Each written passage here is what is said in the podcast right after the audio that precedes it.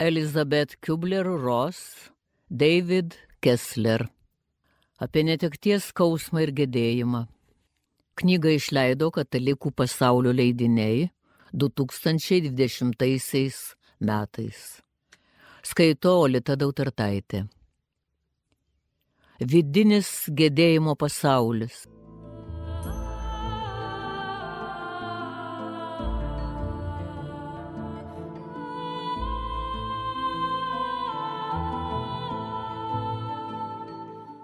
Jūsų netektis. Patyrėte neįsivaizduojamą, neapsakomą netekti. Ji taip giliai sužeidė, sustingote, jaučiate gniuždantį skausmą.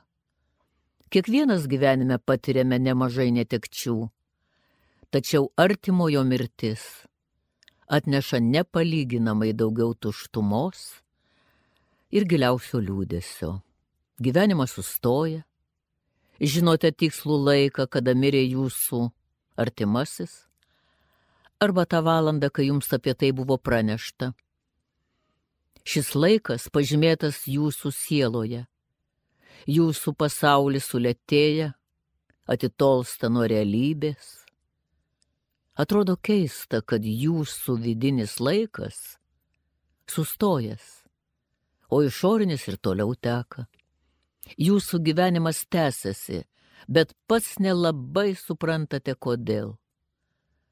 Pasaulis atrodo kitoks, be fizinio jūsų artimojo buvimo. Niekas neištar žodžių, nuo kurių jums palengvėtų tokių žodžių ir nėra. Net patys nesuvokdami kaip, paskendę bejonės ir klausdami savęs, ar yra prasmė toliau gyventi, ištversite artimojo mirtį. Jūsų netektis ir ją lydintis gedėjimas yra labai asmeniški, individualūs. Kiti galbūt pasidalys savo netekties patirtimis. Galbūt bandys jūs paguosti taip, kaip jie supranta. Tačiau jūsų netektis yra vienintelė tokia, jos prasme ir skausmingas unikalumas atsiskleidžia tik jums. Sulaukus penkisdešimties, Brajanui amputavo koją. Tai buvo baisi netektis. Reabilitacijos užsiemimuose jis sutiko vyrą, neturinti abiejų kojų. Tad mažiau be galvojo apie savo netektį, jautė, kad neturi teisės nusiminti. Brajanas papasakojo, tada netikėtai suvokęs, kad yra žmonių, kuriems dar sunkiau nei jam. Kita diena, reabilitacijos užsiemime, jis sutiko jauną vyrą su abiem kojom, kuriam tai reikėjo lasdos, tad vėl aštriai pajuto netekti. Po užsiemimo vyrai įsišnekėjo apie tai, kaip jie čia atsidūrė. Brajanas papasakojo, kad neteko kojos dėl diabeto. Vyras su lasdelė pasakė, kad pateko į eismo įvykį, nes stipriai susižalojo nugarą, tad jam reikia atgauti jėgas. Vis dar lygindamas netektis, Brajanas pasakė, na, jūs vis dar turite abi kojas Vyras su lasdelė atsakė, taip, turiu kojas, bet avarijoje netekau žmonos. Kai lyginame netektis, kito žmogaus praradimai gali atrodyti didesni ar mažesni nei jūsiškiai, tačiau visos netektys yra skausmingos. Jūs vienintelis suvokiate savo netekti Jūs vienintelis galite suprasti ryšio, kuris nutrūko gilį. Kiekvienas turime daugybę vaidmenų su tuoktinio, tėvo ar motinos, vaiko šeimos nario, draugo. Jūs savartimai pažinojate taip giliai kaip niekas kitas. Vieno žmogaus mirtis paliečia skirtingais būdais daugelį žmonių. Kiekvieną šią netekti išgyvena asmeniškai. Jūsų užduotis gedint iki galo priimti netekti, išgyventi ją asmeniškai, išreikšdami pagarbą mirusiojo atminimui ir gedėdami tiek laiko, kiek reikės, suteiksite tikrumo giliam netekties išgyvenimui. Ašaros. Ašaros yra vienas iš būdų išreikšti liūdėsi vienas iš nuostabių įgimtų gyjimo mechanizmų. Deja, ganėtinai dažnai bandome sustabdyti šį būtiną ir svarbų emocijų išliejimą. Gedėdami, dažniausiai išgyvename du su ašaromis susijusius potyrius.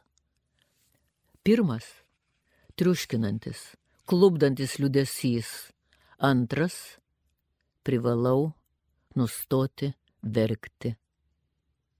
Daugelis pradėjo verkti skubą susivaldyti ir taip nutraukė šį natūralų reiškinį. Melinda buvo jauniausia darbuotoja, priimta į prestižinę apskaitos bendrovę. Ji ištekėjo už Džono, vieno iš skyrių vadovo. Jis sprendimus primdavo darbe, ji namuose. Džono išsilavinimas buvo susijęs su žmonių valdymu, Jis žinojo, kaip juos valdyti, kaip spręsti jų problemas. Melinda buvo skaičių žmogus.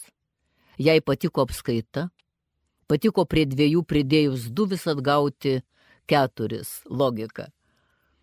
Po dvidešimties santokos metų Džonui buvo nustatyta progresuojanti širdies lyga, kurios Melinda niekaip logiškai negalėjo suvokti, nes ne vienas iš jų nerūkė abu sveikai maitinosi ir daug judėjo.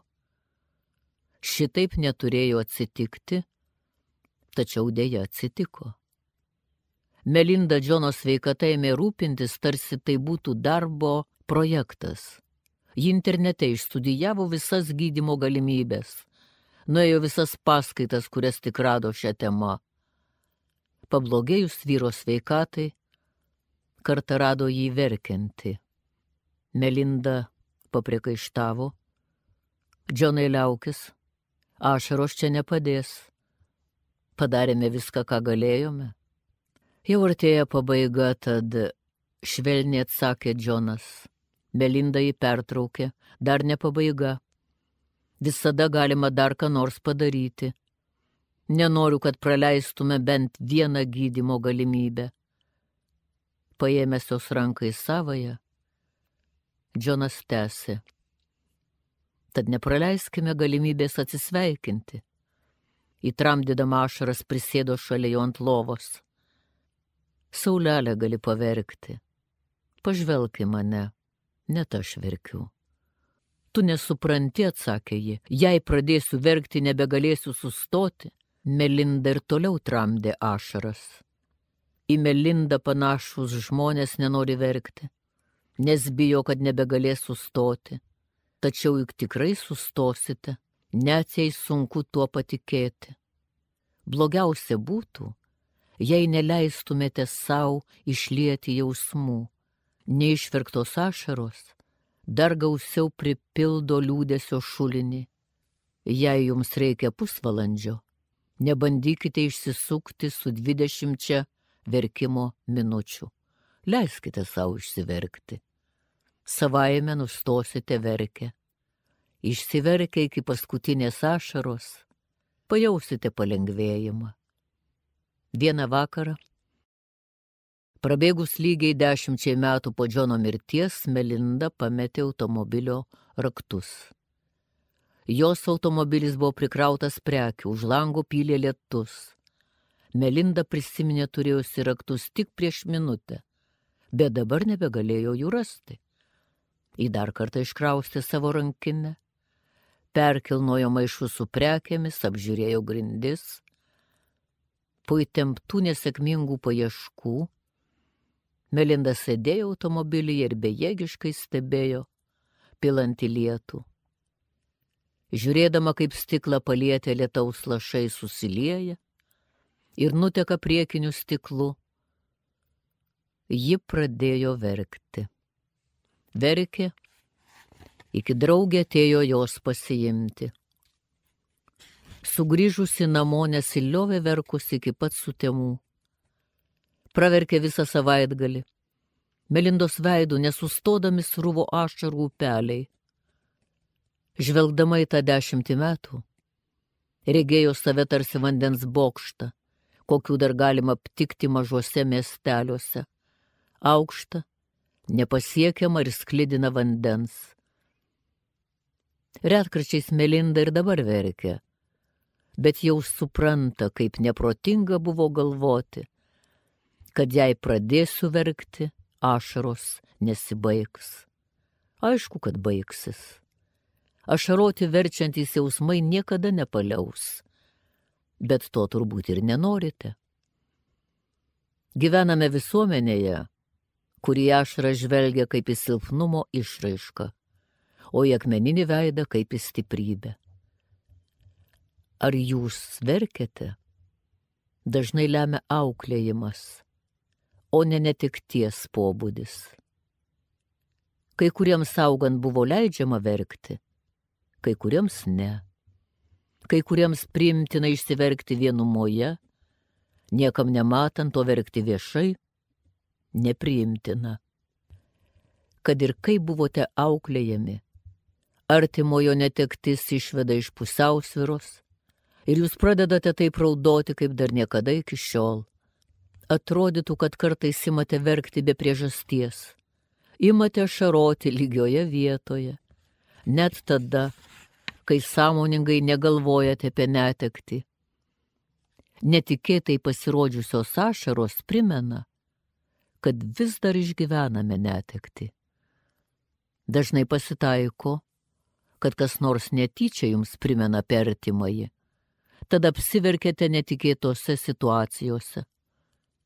Pavyzdžiui, esate darbe, o bendradarbis, su kuriuo metus nesimatėte, visiškai nekaltai paklausė, kas naujo. Jis nežino, ką jūs patyrėte, tačiau staiga jūs užplūsta jausmai. Nieko kito nebelieka, kaip tik susijimti, kiek tik tai įmanoma, ir papasakoti apie tą vienintelę naujieną. Dažnai ašara žvelgiama kaip į dramatišką, pernelyg emocingą dalyką ar kaip į silpnumą. Tačiau iš tiesų jos yra išorinis vidinio skausmo ženklas.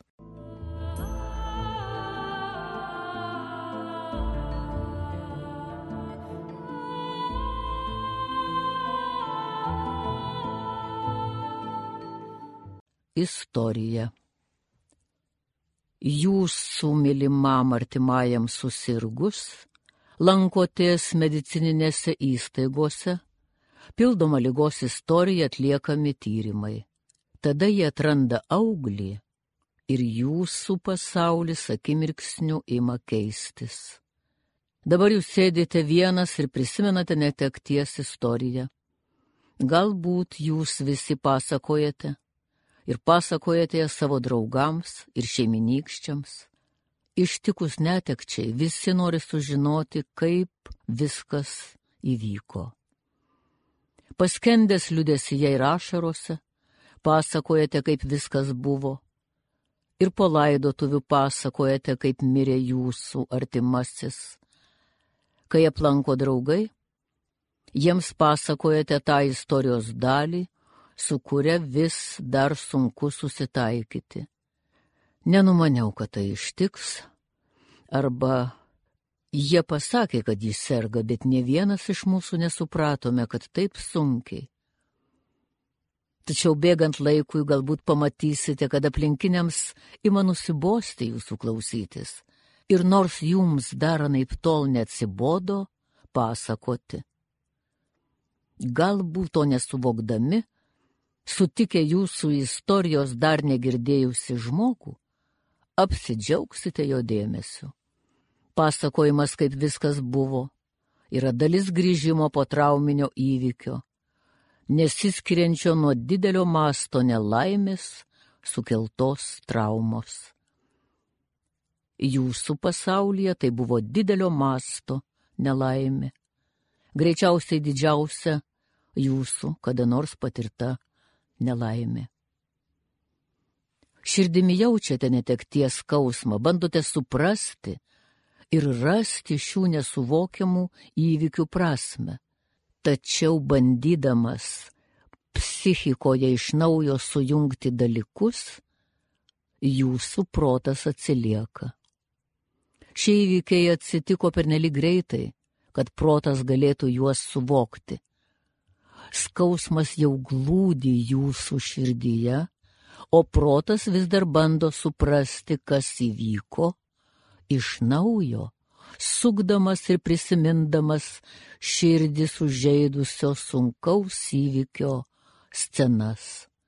Jūsų širdis ir protas susijungia į vieną skausmingo prisiminimo būseną. Pasakojimas, kaip viskas įvyko, padeda išsklaidyti skausmą dažnas ir išsamus pasakojimas yra itin svarbus gedėjimo eigai. Jums reikia išsipasakoti. Kad gytume, turime kalbėti apie savo gedėjimą. Pasidalintas skausmas palengvėja.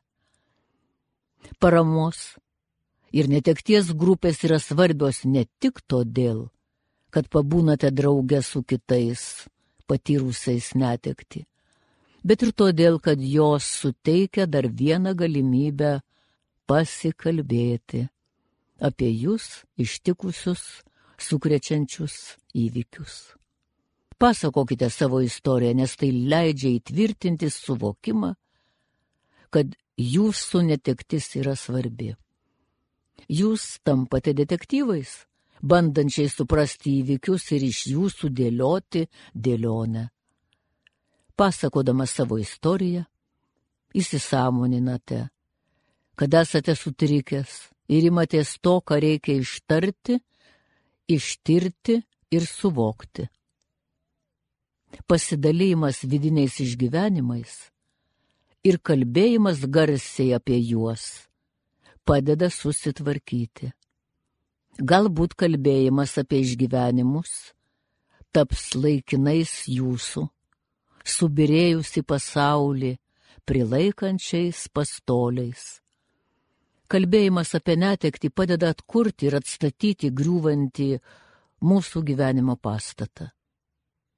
Pastebėsite, kad ilgainiui jūsų pasakojama istorija keisis. Nebūtinai ji pati, o tai, kas jums joje svarbiausia. Įvykių pasakojimas gali suteikti progos svarbiam grįžtamajam ryšiui ar informacijai, nes klausytojas gali turėti trūkstamas dėlionės dalis arba pasidalinti išvalgomis, kurių jums trūko. Mirus mamai branda gedėjo, patirdama ir skausmą, ir palengvėjimą. Jai palengvėjo, kai gydytojai pajungė jos mamai kvėpavimo aparatą ir užbaigė jos skausmingas pastangas kvėpuoti tačiau Brendai teko priimti net šaukiamą sprendimą dėl mamos gyvybės palaikymo. Deja, mama nebuvo davusi jokių iš ankstinių nurodymų, kaip elgtis, jei ji būtų kritinės būklės, kai beveik nebėra vilties, kad išgyvens. Nors gydytojai ištikus insultui konstatavo nedidelį smegenų aktyvumą. Brendai buvo labai sunku apsispręsti. Tačiau kai po trijų savaičių intensyviosios terapijos skyriuje mamos būklė niekiek nepagerėjo, Brenda suvokė, kad kūno gyvybė palaikoma dirbtiniu būdu, tačiau šis kūnas jau nebebuvo jos mama. Po šešių mėnesių jos šeimai pabodo vis iš naujo kartojamas jos pasakojimas klausydamėsi, kaip ji pasakoja tą pačią istoriją dar vienam sutiktam žmogui, jie troško, kad jį išsilaisvintų iš šito užstrigimo. Kartą Brenda su vyru nuvyko į prekybos centrą, ten sutiko mamos bendradarbę, su kuria šioji dirbo prieš gerą dešimtmetį. Vyras slapčia vylėsi, kad ji neims vėl iš naujo pasakoti istorijos Gal bendradarbiai tai visai neįdomu. Brendai, papasakojus esminius dalykus, bendradarbė pasakė, kai mano tėvui buvo beveik 80, jis susirgo mirtina inkstų lyga. Tėvas buvo visiškai pririštas prie lovos ir vos bekrutėjo. Tad tavo mama man pasakė, tikiuosi man neteks gyvenimo baigti pajungtai prie aparatų. Džiaugiuosi, kad ji to nepatyrė. Būtent tai Brendai reikėjo išgirsti. Dabar ji žinojo, kad pasielgė taip, kaip to būtų norėjusi mama. Ji taip suprato, kad jei nebūtų vis pasakojusi savo istorijos, nebūtų išgirdusi šio jai be galo svarbaus patvirtinimo. Daugeliu atveju, jei žmogus būtų anksčiau kreipęsis medicinės pagalbos, viskas galbūt būtų pasisukę kitaip. Tačiau pernelyg dažnai būname klaidingai įsitikinę, esą Jeigu žmogus būtų anksčiau kreipęsis į gydytojus, jie būtų užkirtę kelią jo ar jos mirčiai, tarsi mirtis ko nors paisytų. Kaip gyvenimas, taip ir mirtis reikalauja įprasminimo. Istorijos, kurias pasakojame, suteikia prasme mūsų mylimo, artimojo mirties faktui.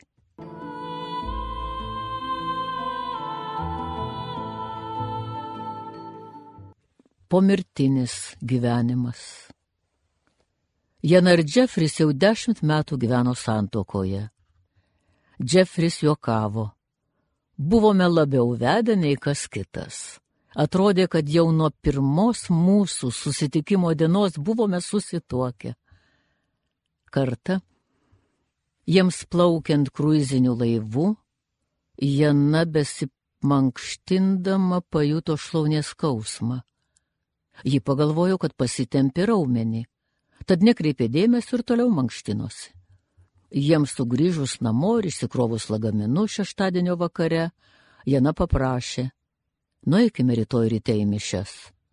Juk einame kiekvieną savaitę, o dabar ką tik sugrįžome namo po kelionės, paprieštaravo Jeffris, stebėdamasis Janos užsidėgymu. Manau, nieko neatsitiks, tai vieną kartą praleisime kaip patemptas Janos raumuo nesiliovė skaudėjęs, ji ėmė skaityti apie tai, kad po rugsėjo 11 dienos tragedijos giliai tikinti žmonės daugybę laiko skyrė maldai. Atrodė, kad vaistai nuo skausmo neveikė, tad laukdama vizito pas gydytoją ėmė skaityti visas po ranka pasitaikiusias religinio turinio knygas. Jie traukė pasakojimai apie mirusius žmonės. Kartą Jana pasakė vyrui, Džefri, žinau, kad netrukus mirsiu, nes sapne mačiau močiutę. Ir ji man sakė, greitai būsi su mumis. Jana patikino Džefri, kad ji neišsigando, nes labai mylėjo savo močiutę ir sapnas ją nuramino. Džefris viską nuleido jokais. Tik mirties patale žmogu aplanko mirusieji, o ne tada, kai jis mankštindamasis pasitempė raumenį. Janaušis pirusi tvirtino, kad Dievas jai sako, jog nebaisu mirti. Todėl ir einu šiomis dienomis taip dažnai bažnyčia, kad išgirščiau jį sakant, jog mirti nebaisu. Man reikia vis iš naujo tai išgirsti paaiškino ji vyrui. Džefris pasakojo, kad jis tengiasi atmesti žmonos mintis apie mirtį, bet kita vertus išsigando, kad yra teisybės, juolab, kad šlaunies skausmas nesiliovė. Priartėjo vizitas pas gydytoją. Jau keletą savaičių Džefris ragino Janą apsilankyti pas psichiatrą ir pasikalbėti apie tą įkyrę mintį, kad ji netrukus mirs. Man labai liūdna, Jeffrey, bet tai tiesa. Aš netrukus mirsiu. Kaip kitaip paaiškinti, kodėl vis sapnuoju mirusius savo artimuosius ir draugus? Nenoriu išeiti, Jeffrey, Bet žinau, kad atėjo mano valanda. Padarius tyrimus, Janai buvo nustatytas plaučių vėžys, išplitęs į kaulus. Gydytojai pasakė, kad lyga toli pasistumėjus ir nelabai ką be galima padaryti, greičiausiai serga jau daugelį metų. Ji buvo jauna, nerūkė, galimybė susirgti vėžiutė buvo nedidelė, tad vargu ar lyga galėjo būti diagnozuota anksčiau. Likusi laiką Jana stengiasi nuraminti Džefrį. Jie sapne ateina man pagelbėti, mane paruošti.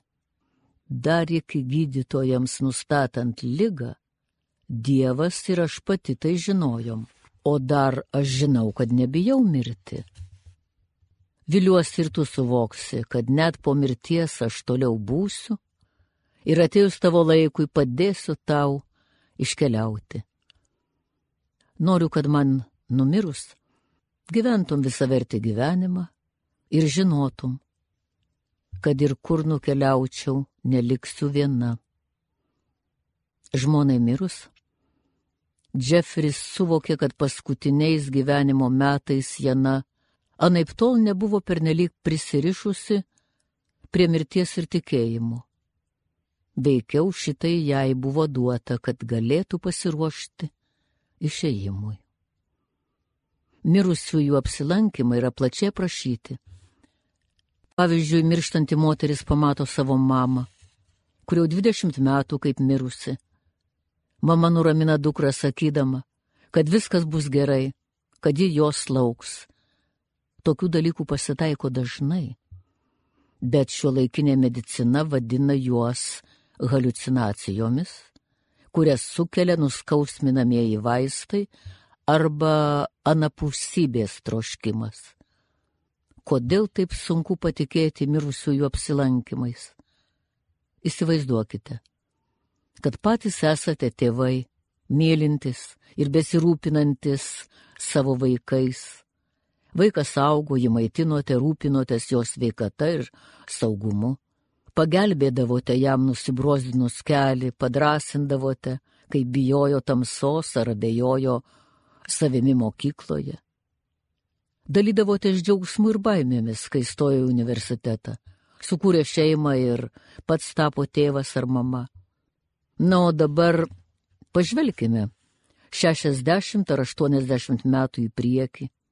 Jūs jau keli dešimtmečiai miręs, ir jūsų duktėtoji mergaitė, kurią jūs išsigandusią drąsindavote, miršta.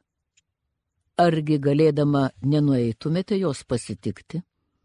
Gyvenimą ir mirtį skiriančiam šydui pakylant, argi nenorėtumėte padrasinti savo dukters ir pasakyti, kad viskas bus gerai, kad jūs būsite su ja, jei taip galvosime, Gal šitai mums nebetrodys pritempta.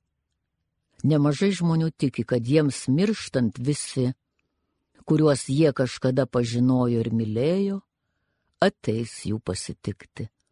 Todėl daugelis tiki, kad iš tiesų niekas nemiršta vienas. Vėlionio drabužiai ir kiti asmeniniai daiktai.